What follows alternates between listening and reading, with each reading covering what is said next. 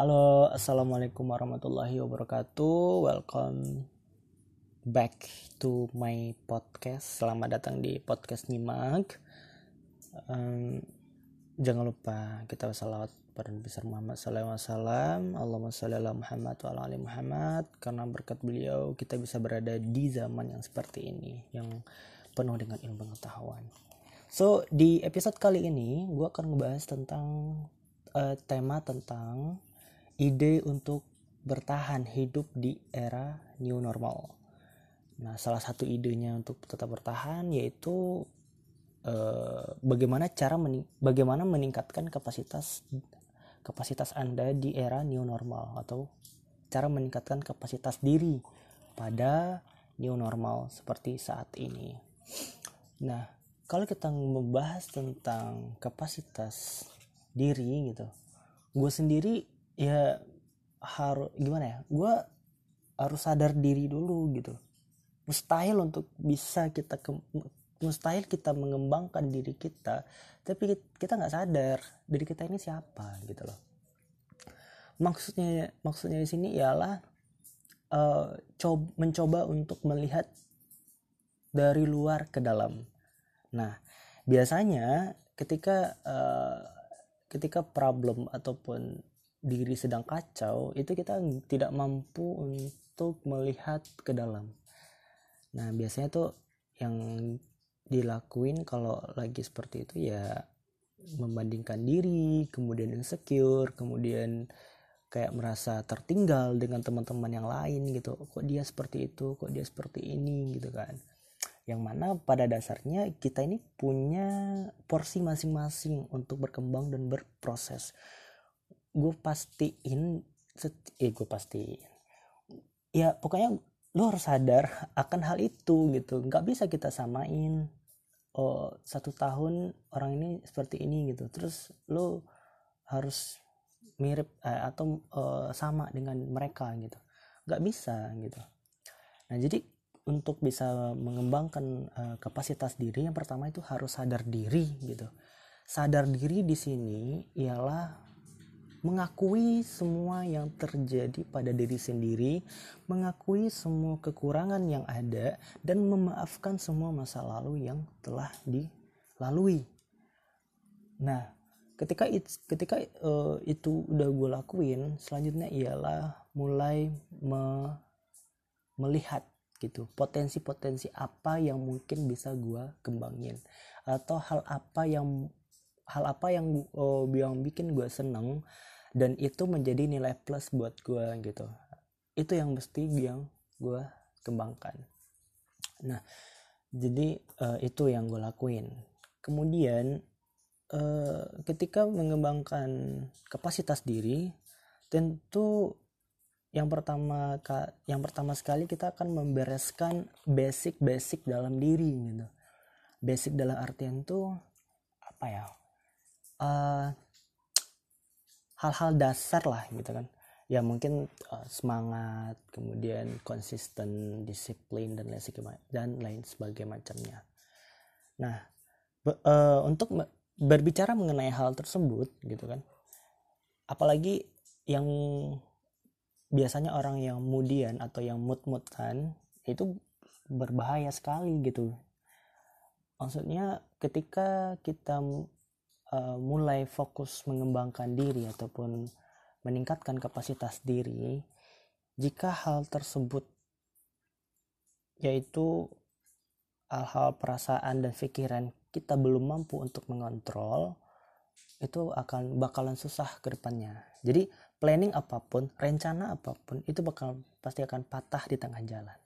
Nah jadi yang gue lakuin uh, di saat mulai sadar gitu kan yang gue lakukan adalah memperbaiki uh, cara pikir dan juga mindset. Nah, jadi uh, waktu apa namanya? Gue mengakui kalau gue itu uh, candu akan media sosial. Nah, gara-gara media sosial, karena gue nggak pandai membagi waktu, akhirnya gue menjadi kebablasan. Nah, kebablasan itu yang membuat gue jadi kacau. Kacau dalam artian tidak bisa lagi menata apa yang gue inginkan apa yang gue rencanain gitu. Artinya kacau gitu kan. Nah ketika itu ketika masalah itu disadari nah gue fokus nyelesain masalah itu dulu gitu.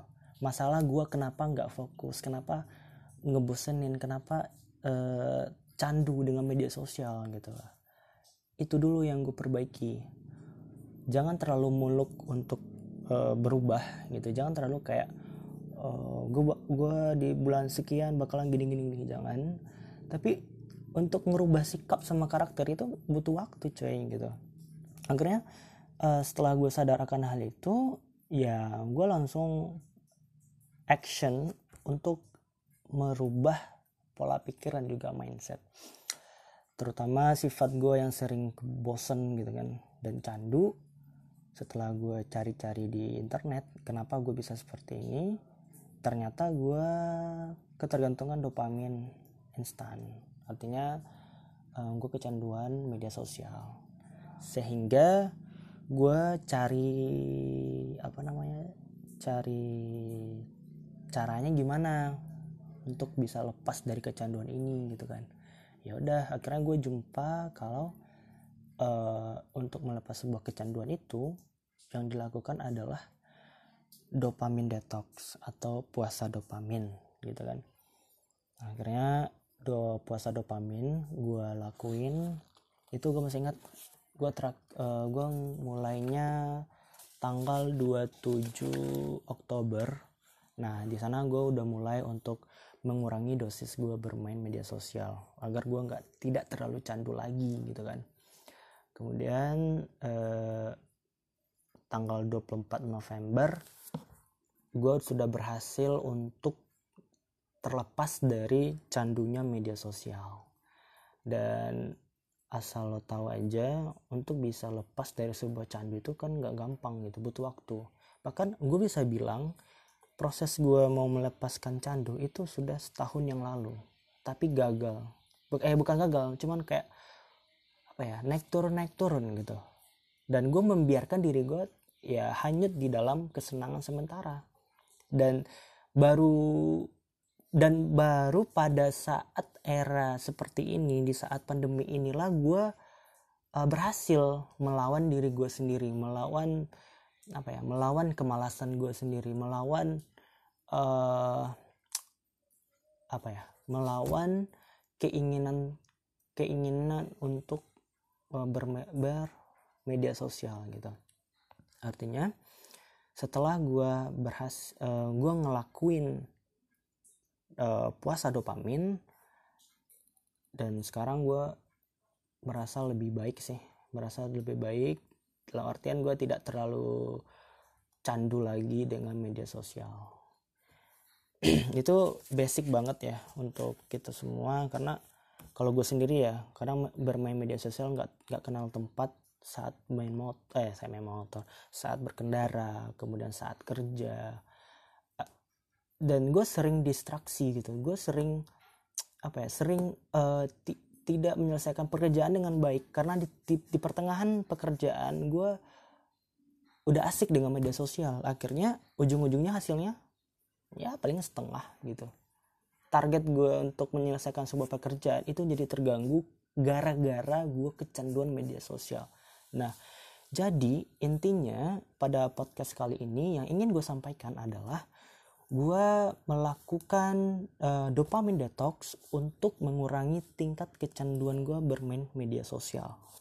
Nah, maksud gue ketika ini sudah berhasil, next ke depan, insya Allah gue bakalan uh, lebih bisa ataupun lebih gampang untuk menata hal-hal yang lain. Mungkin uh, lebih kayak konsisten, rajin dan tidak malas seperti itu.